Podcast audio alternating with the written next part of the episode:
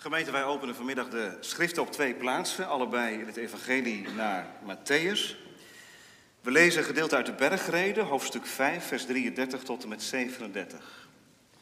De eerste lezing is Matthäus 5, vers 33 tot en met 37. Dat is een gedeelte uit de bergreden, zoals ik zei, en eh, iets specifieker over hoe Jezus omgaat met tradities van de ouden. Matthäus 5, vers 33. Verder hebt u gehoord dat tegen de ouden gezegd is: U zult de eed niet breken, maar u zult voor de Heere uw eden houden. Maar ik zeg u, zweer in het geheel niet, niet bij de hemel, want dat is de troon van God, niet bij de aarde, want dat is de voetbank van zijn voeten, en ook niet bij Jeruzalem, want dat is de stad van de grote koning. Ook bij uw hoofd mag u niet zweren, want u kunt niet één haar wit of zwart maken. Laat uw woord ja echter ja zijn en uw nee nee. Wat hierboven uitgaat, is uit de boze.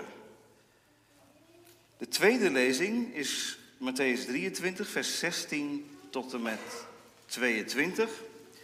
Daar is Jezus in gesprek met de Fariseeën. Matthäus 23, vers 16 tot en met 22.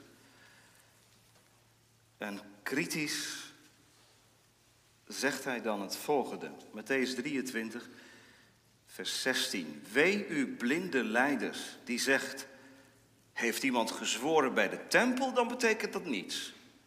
Maar heeft iemand gezworen bij het goud van de tempel, dan is hij aan die eed gebonden. Dwazen en blinden. Want wat is meer? Het goud of de tempel die het goud heiligt? En heeft iemand gezworen bij het altaar, dan betekent dat niets. Maar heeft iemand gezworen bij de gave die daarop ligt, dan is hij aan die eed gebonden. Dwazen en blinden. Want wat is meer? De gave of het altaar dat de gave heiligt? Wie daarom zweert bij het altaar, die zweert daarbij en bij alles wat daarop ligt. En wie zweert bij de tempel, die zweert daarbij en bij hem die daarin woont. En wie zweert bij de hemel, die zweert bij de troon van God en bij hem die daarop zit. Tot zover. Deze lezingen zijn inleidend bedoeld, ondersteunend bedoeld ook, bij zondag 37 van de catechismus. De laatste zondag die we behandelen voor de vakantie. Zondag 37. Dat is een uitloper van het derde gebod. Catechismus um, besteedt twee zondagen aan het derde gebod. En zondag 37 is ook zeker de moeite waard om bij stil te staan. Ook als je de relevantie van die zondag misschien vanmiddag niet direct ziet omdat het in je beleving wel heel erg historisch gekleurd is door de tijd van toen. Conflict met de dopersen en met de Roomse kerk. Zeker, eh, deze zondagsafdeling draagt een historisch karakter.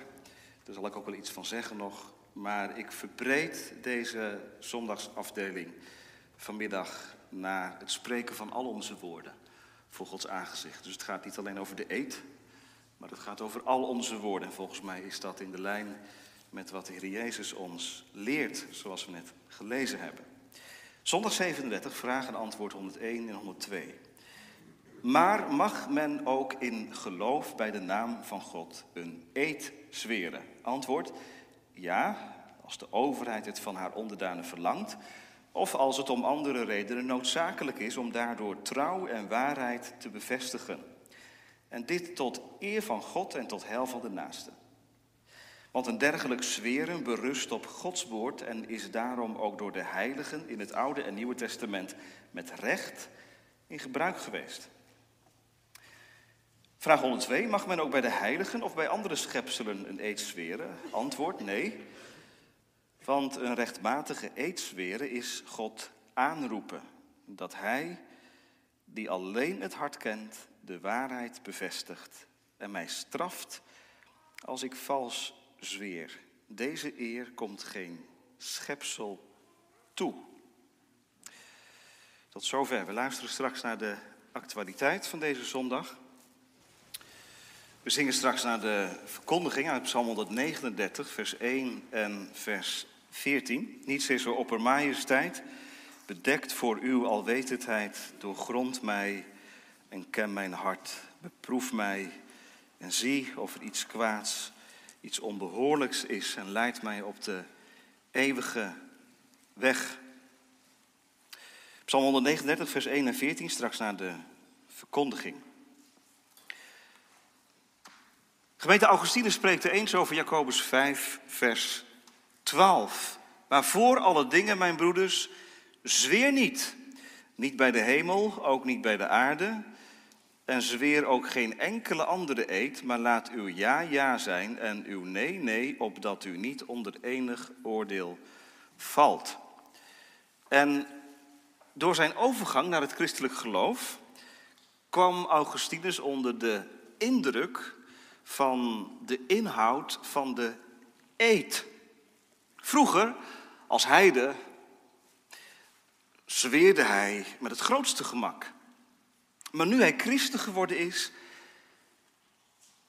wordt hij gereserveerd. Bang om zomaar Gods naam erbij te halen als hij iets zegt. Wat is dat? Hoe komt dat?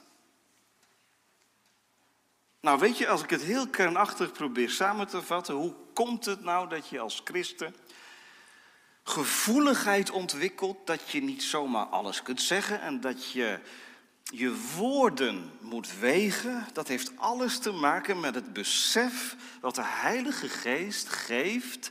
Je staat, je leeft voor Gods aangezicht, coram deo.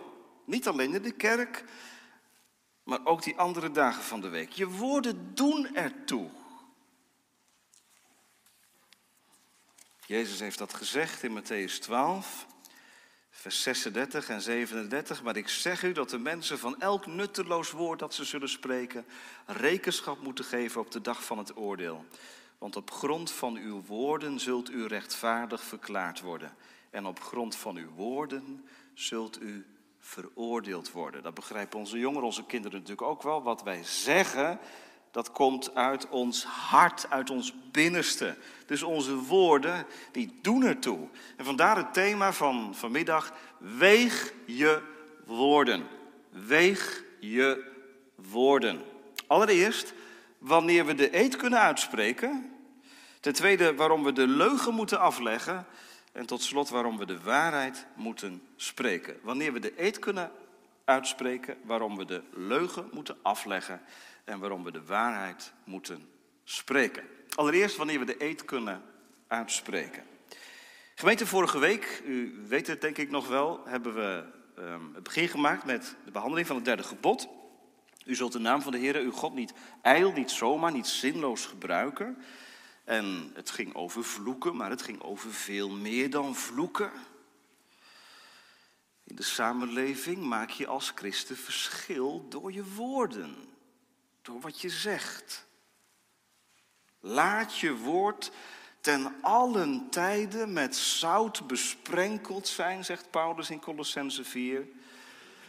Want met je woorden communiceer je, maak je verbinding met anderen. En als je woorden met zout besprenkeld zijn, dan zijn ze zuiver en prikkelen ze ook. In je woorden kun je het verschil maken. Ja, dat heeft alles te maken met bekering. we kunnen wel eens het idee hebben, bekering, dat is iets wat ja, van binnen plaatsvindt. Dat doet de Heilige Geest, die je bekeert je. Maar de Heilige Geest geeft het geloof, dat vindt allemaal van binnen plaats. Ja, maar het heeft een uitwerking naar buiten toe. Als je de Heer Jezus lief krijgt, dan wordt de gerichtheid van je hart veranderd. En dat betekent dat al je lichaamsdelen en al je zintuigen daarin meegenomen worden. Kijk maar naar de brief van Paulus aan Efeze. Paulus legt uit wat het verschil is tussen het oude en tussen het nieuwe leven. En dan concretiseert hij dat. Hij zegt het nieuwe leven door de geest. Weet je waaraan je dat kunt herkennen? Lieg niet tegen elkaar, spreek de waarheid. Nou, dat is glashelder. Er is geen spel tussen te krijgen. Laat je ja ja zijn en je nee nee. Jonge mensen, dat is bekering. Dat is bekering. Je woorden. Je gaat erop letten. Natuurlijk je ogen, je oren en andere dingen doen ook mee. Maar ik beperk me nu vanmiddag even tot je woorden, tot onze woorden. Hoe gaan wij met onze woorden om? Het lijkt zo eenvoudig. Hè? De Heer Jezus zegt het in de bergreden. Laat je ja ja zijn en je nee nee. Nou, eenvoudiger kan het toch niet? Als je ja bedoelt, moet je ook ja zeggen. En als je nee um, bedoelt, moet je ook nee zeggen. Simpel toch? Nee, helemaal niet simpel. Anders zou Jezus het niet gezegd hebben. Jezus doet die uitspraak in contrast, in gesprek met de fariseeën. Dat zijn hele principiële mensen. Hele principiële mensen. Eh, ze zullen geen schunnig taal gebruiken, geen schuine moppen. Eh, geen laster. Toch is er wat mis met hun woorden, zegt Jezus. In de bergreden schetst Jezus wie er horen bij het koninkrijk van God. En dan spitst hij het uiteindelijk ook toe op hoe zij hun woorden gebruiken. We hebben dat gelezen in Matthäus 5, vers, vers 33. Jezus zegt, u hebt gehoord dat tegen de ouden gezegd is, u zult de eed niet breken, maar u zult voor de Heere uw eden houden. Maar ik zeg u, wat zegt Jezus? Je zou zeggen, hij sluit erbij aan. Dit is toch bijbels? U zult de eed niet breken, maar u zult voor de Heer uw ede houden. Nou, dat is toch, dat is toch uh, mooi, goed. Maar Jezus gaat er tegenin. Ik zeg u, zweer in het geheel niet. Niet bij de hemel, niet bij de aarde, uh, niet bij Jeruzalem en niet bij je hoofd. Nou, dat zal ik uitleggen, want dat begrijpen we natuurlijk niet. Wat, is dat nou weer? Zweren bij de hemel, zweren bij de aarde, zweren bij je hoofd. Ja, dat was een gebruik in die tijd. Je had verschillende niveaus in de waarheid. Tenminste, dat vonden de fariseeën.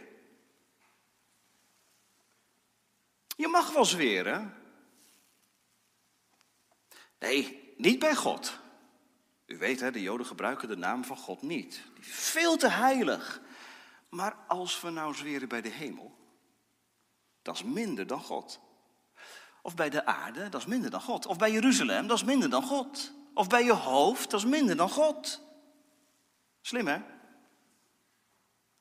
Dit is dat zondige mechanisme in ons hart. Want wij kijken nu neer op de fariseeën, maar we doen er zelf aan mee, dat we tussen ja en nee, dat schemergebied, dat grijze, mistige terrein van ja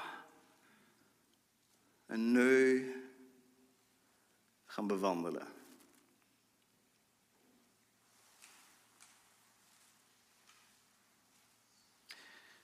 Spreken wij altijd de waarheid, gemeente? Het feit dat wij wel eens zweren en dat de eed voorkomt, is al het bewijs dat wij niet altijd de waarheid spreken.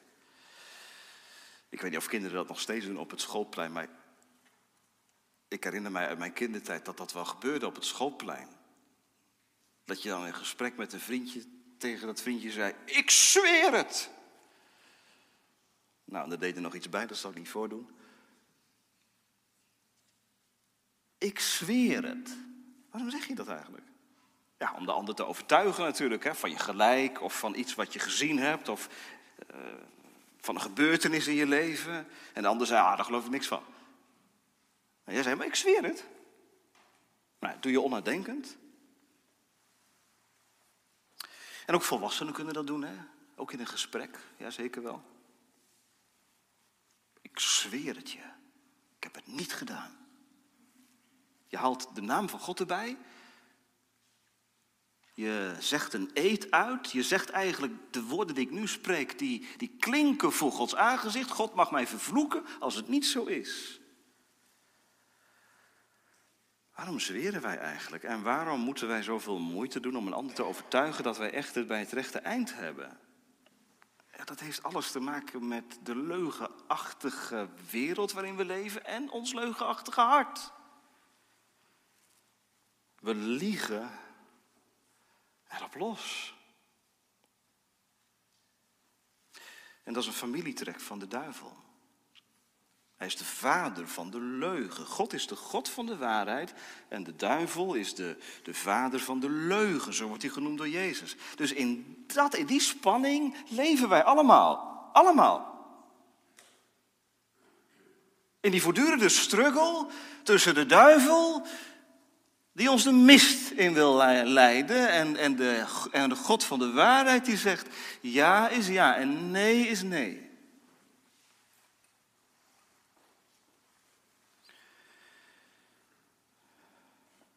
Wat een trieste werkelijkheid.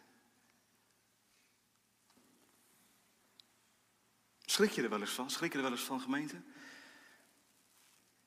Dat het derde gebod en de uitloper ervan, in zondag 37, dat dat eigenlijk onderstreept wat Paulus zegt in Romeinen 3, dat wij met onze tong bedrog plegen.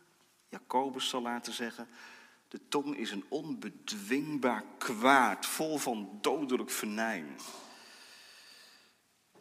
Ja, zegt iemand, en nou begrijp ik waarom Jezus zegt, zweer in het geheel niet. We mogen nooit een eed afleggen, dat staat er toch in Matthäus 5, vers 34. Nou, en dan zitten we midden in de actualiteit van toen, van het catechismus, hè, want de Doperse beweging zei dat ook. Die zei, kijk maar, Jezus zegt, zweer in het geheel niet. Nou, dan mag je ook niet zweren. Dat noem je biblicisme. Dan pik je een tekst ergens vandaan en zeg je, kijk, ik heb toch gelijk, want in de Bijbel staat dit of dat.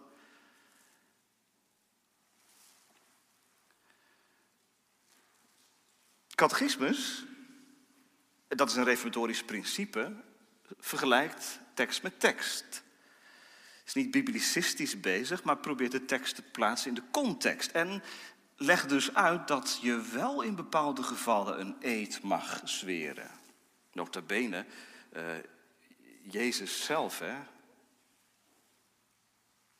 heeft onder ede gezworen. Weet u nog, voor de hoge priester.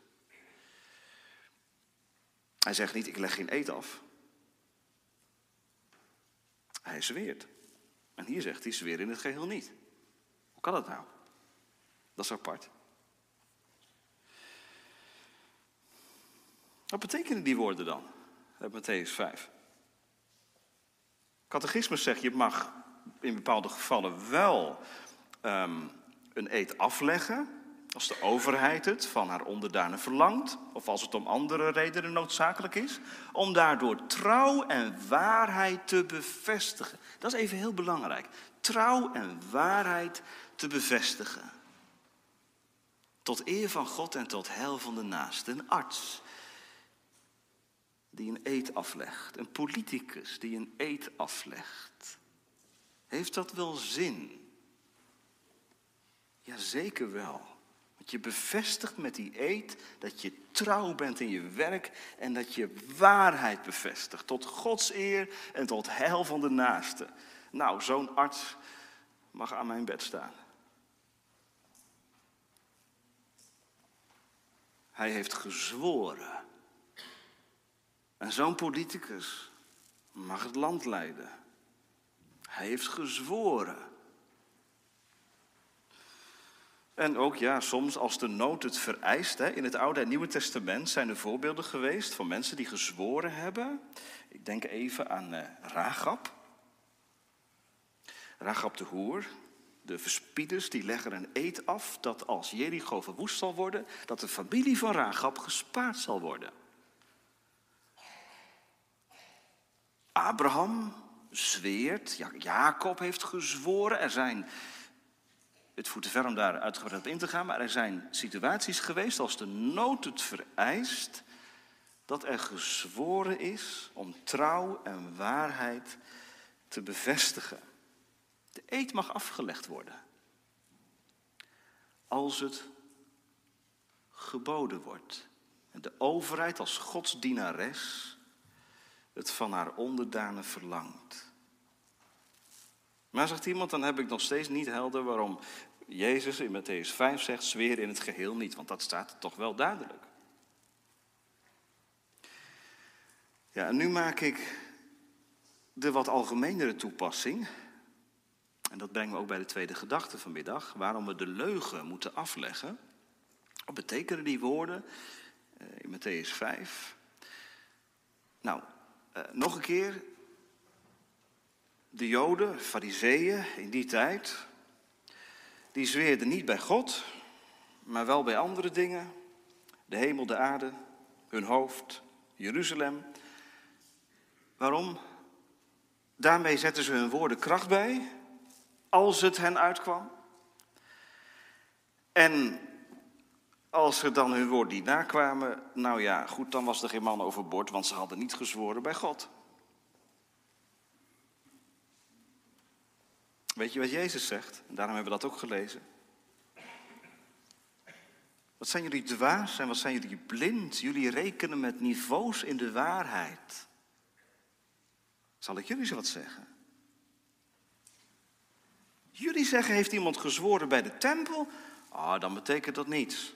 Maar als iemand gezworen heeft bij het goud van de tempel, ja, dan moet je je woord houden. Dwazen en blinden. Wat is meer, het goud of de tempel die het goud heiligt? Jezus laat zien, het is dwaasheid om het onderscheid te maken. Hetzelfde geldt met het altaar, vers 18. Jullie zeggen, als je zweert bij het altaar, dan betekent niets. Maar als je zweert bij de gave die daarop ligt, dan ben je aan je woord gehouden. Dwazen en blinden. Jullie maken onderscheid waar geen onderscheid is.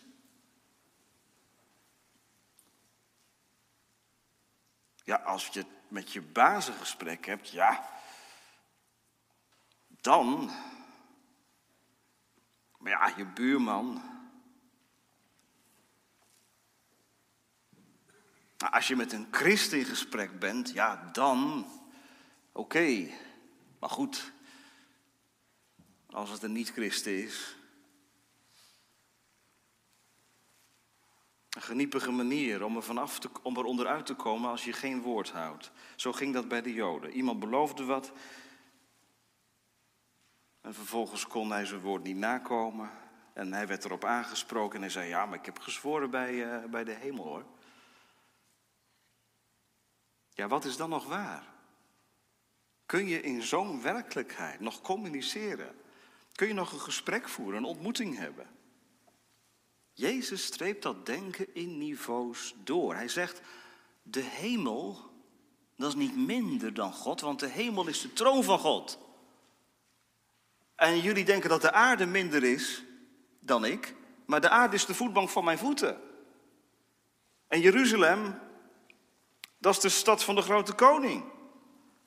En je hoofd, daar ben ik de eigenaar van. Want je kunt geen haar zwart of wit maken.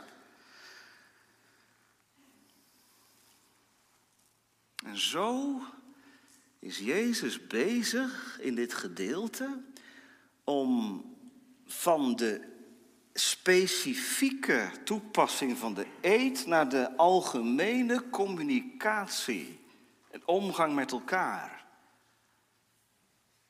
te spreken. Hoe betrouwbaar ben ik in mijn gewone leven? U zegt misschien, hè, want een, een, een eet, ja, die zal ik niet snel afleggen. Uh, ik heb geen functie in de politiek, ik ben geen arts. Nou ja, wat heb ik dan aan zondag 37? Ja, is interessant hoe de eh, reformatorische theologie erover denkt, maar dat is het dan toch ook wel zo'n beetje. Nou, daarom hebben we deze gedeelte gelezen. Want wat is nou de toepassing voor ons allemaal? Voor mij en voor u, wij praten in de wereld van God. We moeten af van de gedachte dat alleen de eed ons brengt voor Gods troon. De eet is gewichtig, zeggen we dan. Ja, en ons gewone praten dan. Jezus laat zien dat je geen onderscheid kunt maken tussen wat je voor Gods aangezicht uitspreekt, ik zweer het, of wat je met derden bespreekt, thuis of waar dan ook. Weet je wat dat betekent, ouders? Dat je in, je in de opvoeding met je kinderen transparant bent en, en betrouwbaar bent. Dat je ja, ja is en je nee, nee. En je kinderen gaan je daaraan herinneren hoor. Papa, u hebt toch gezegd dat. We zouden vanmiddag gaan voetballen. Hebt u zelf gezegd? Ja. Ja. Ik heb. Uh... Voelt u hem? En weet je wat wij grote mensen dat denken? Ja, goed, kijk, het gaat om iets kleins. Voetballen kan ook wel een dag later. Dit is het begin van de leugen. Alsof je niet hoeft te rekenen met je woorden, of minder hoeft te rekenen met je woorden als je, het, als je iets met je kinderen bespreekt. Hoe staat het met onze woorden in ons leven? Mannen, mag ik even vragen? Eh, weet je vrouw waar je bent? Weet mijn vrouw waar ik ben? Door de week? Waar ik naartoe ga? En als ik laat terugkom? Hoe dat dan komt? Kan mijn vrouw mij helemaal vertrouwen? En hoe zit dat met jullie, eh, jongens? Als je terugkomt s'avonds. Je hebt met je ouders een afspraak gemaakt. Dan en dan ben ik terug. En het wordt wat later. En nog later. En je ouders die, uh, ja, die komen erop terug. Die zeggen, hé, hey, uh, waarom was je zo laat? Ja, hadden lekker band. Enzovoort. Is dat de waarheid spreken of is dat leugen spreken? Het eh, tussengebied is het niet, toch? Dat zegt Jezus. Laat je woord ja zijn en nee. Nog een toepassing. En dat is in deze tijd denk ik wel heel erg in. Hè? Onze digitale manier van communiceren. De catechismus wist er nog niet van, maar wij intussen wel. Ik denk dat wij misschien wel meer digitaal communiceren met elkaar dan woordelijk. En dat gaat natuurlijk zo makkelijk, hè? Joep, via de app. En de ander leest het op zijn scherm. En je krijgt een reactie en er komt nog een reactie. Weten wij wat onze woorden uitrichten? Nee, wees maar eerlijk, dat weet je niet als je appt. Dat weet je niet als je mailt.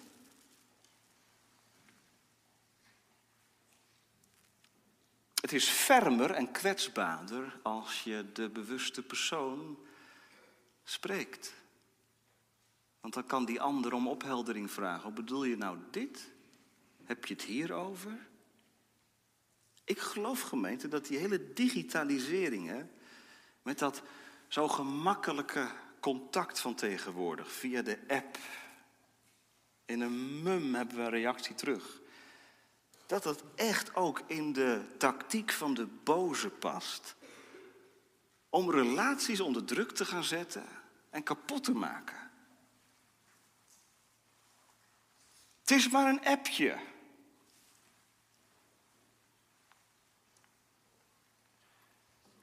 Het is maar een appje. Je appt in Gods wereld, broeder. Je appt in Gods wereld, zuster. En je woorden maken wat los.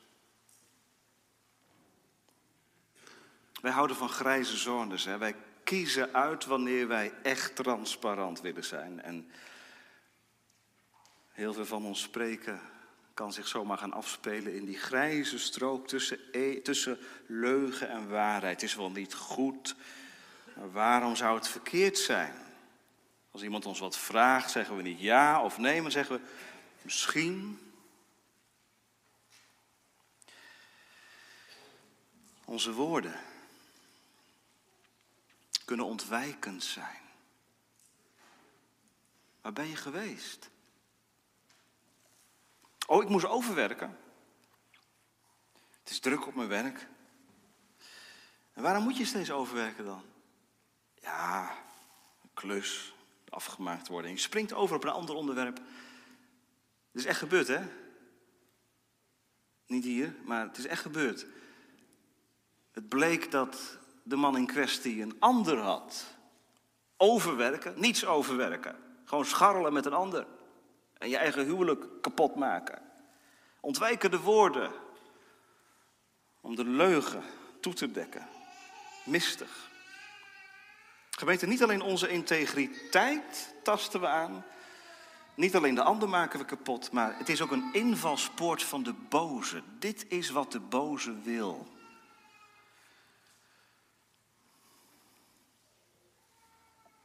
Nog zoiets. Je belooft om bij je buurman op de koffie te komen. Of bij je familielid. Ik kom hoor. En na een paar maanden. Je zou toch uh, komen?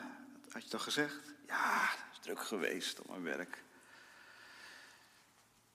Tuurlijk, je kunt dingen vergeten. Maar wees dan eerlijk. In Abbebroek kwam ik het, kwam ik het tegen dat veel mensen hadden veel, veel randkerkelijken, hè, zoals dat dan zo, zo naar genoemd wordt, randkerkelijken. En die probeerde ik ook op te zoeken. En bij verschillen daarvan kwam het uiteindelijk eruit. Ja, in het verleden heeft de kerk beloofd om weer terug te komen, maar dat hebben ze nooit gedaan. Nou, voor mij hoeft het niet meer.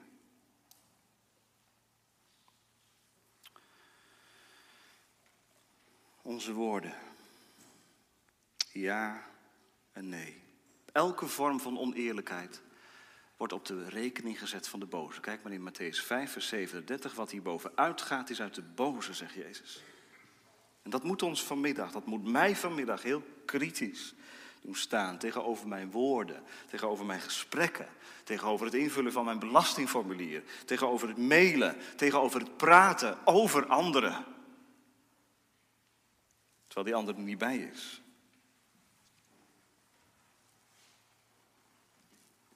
Hoe integer ben ik eigenlijk? Gemeente, schrik je ook niet vanmiddag.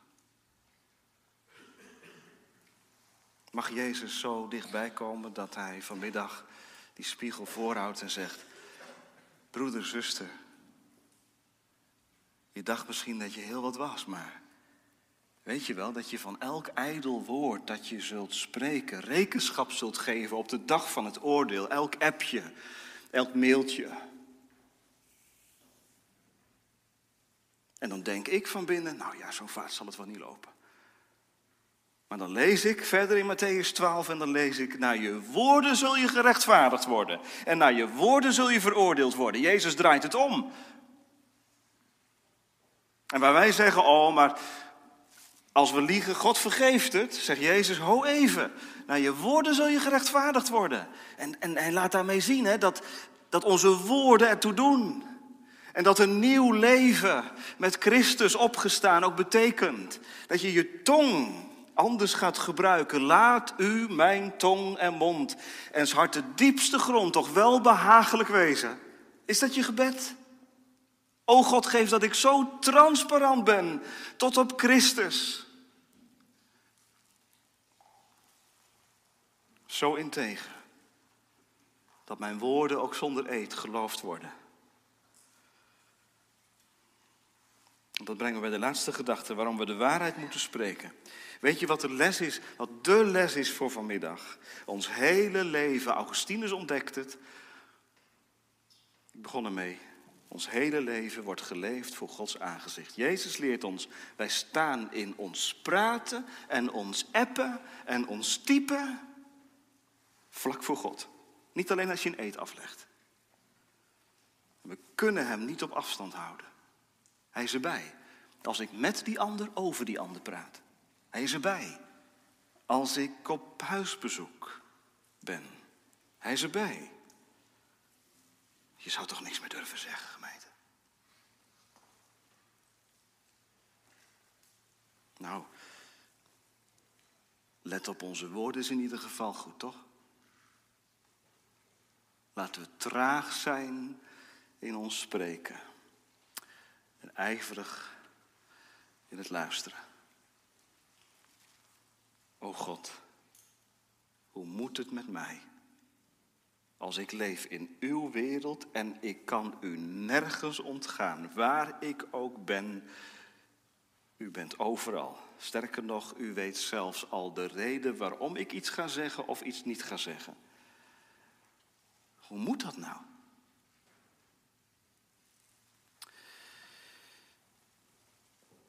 Een gouden regel, en ik geef hem maar gewoon mee vanmiddag, is als je wakker wordt, wat, wat doe je dan? gewoon als je wakker wordt. Wat doe je dan als eerste?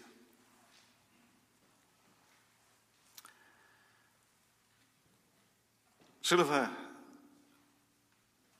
afspreken met onszelf dat voor we gaan spreken, we met onze God spreken?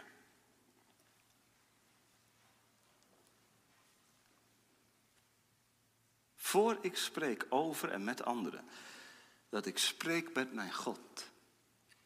Het sla ik makkelijk over. Maar dit is wel de orde die God in zijn woord mij voorhoudt. Spreken tot God en, en, en lezen in zijn woord. Want ook al is mijn hart leugenachtig en al leef ik in een leugenachtige wereld, Gods woord is betrouwbaar en God is een God van waarheid. Wat is dat heerlijk gemeente? Dat je vanmiddag mag horen hoe leugenachtig je ook bent, hoe geneigd tot het kwaad.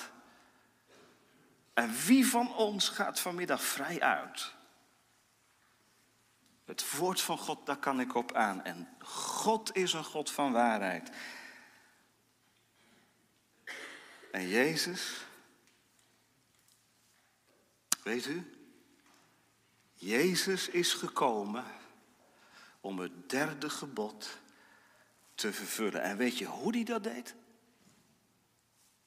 Hij is gestorven door de leugen van mij. Hij moest sterven als een godslasteraar. Zo'n hoge prijs betaalde Christus voor de waarheid. Hij zegt dat hij Gods zoon is. De dood in met hem. Gemeente, hoe kun je de leugen afleggen en de waarheid spreken? Als je vanmiddag de bitterheid van je onzuiverheid, van je woorden met bijbedoelingen, van het verdraaien van de waarheid voelt, of van je lege en vozige praat,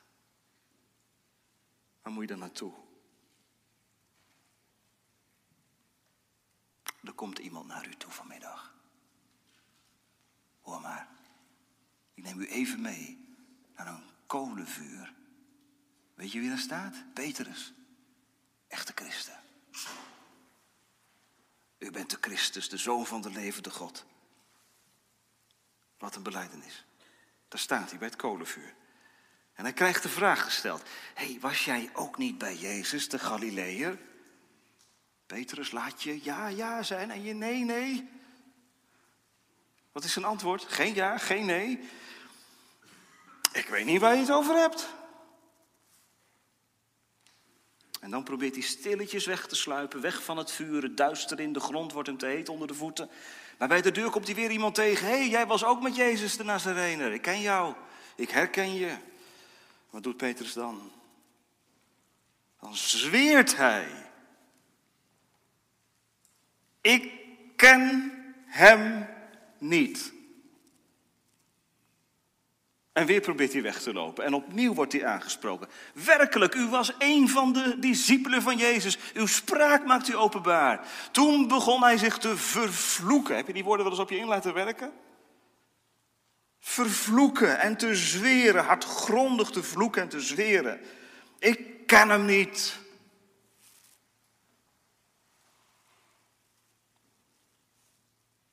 Hoe loopt dat af? Met zo'n logenaar. Komt iemand naar hem toe. Hoe dan? Uit het evangelie van Lucas weten we dat als Petrus met zijn woorden de meeste verlogend heeft. Jezus die de waarheid lief heeft en onderweg is naar Golgotha om daar te boeten voor de zonde, met zijn ogen de blik van Petrus vangt. Hij zag hem aan. En zo kijkt hij mij vanmiddag indringend aan. Niet wegkijken.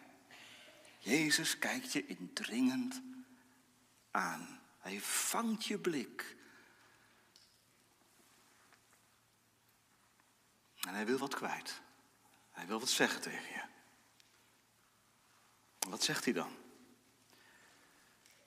Ik heb gezworen. Ik heb geen vreugde in de dood van de goddeloze, maar daarin heb ik vreugde dat jij je vanmiddag bekeert en leeft. Ik doe er een eed op. Voorwaar, voorwaar. En die eed is er ook in negatieve zin. Ik heb gezworen in mijn toorn. Ze zullen niet in mijn rust ingaan als zij in ongeloof volharden. Als je meent een leven van leugen aan elkaar te kunnen weven en je praat je overal uit en weet, ieder woord doorziet God. En straks sta je voor de troon in je hemd. En dan. Gemeente, er is maar één weg vanmiddag. En die moet ik je wijzen, die mag ik je wijzen. En dat is de weg naar Christus heen. Naar de God die in Christus een eed erop doet. En tegen je zegt, bergen zullen wijken, heuvels zullen wankeren. Maar het verbond van mijn vrede wankelt niet. Ik ben trouw. En op mijn woord kun je aan. En wil je leren betrouwbaar te zijn. En de waarheid te spreken. En je woorden te wegen. Van mij kun je het leren. Kom. En leef van mijn genade. Zou het kunnen, gemeente, dat die tijd van de vroege kerk ook vandaag nog steeds werkelijkheid is? U zegt, wat bedoelt u dan? Van de eerste christenen werd gezegd: alles wat zij zeggen is vaster dan een eed. Alles wat zij zeggen is vaster dan een eed.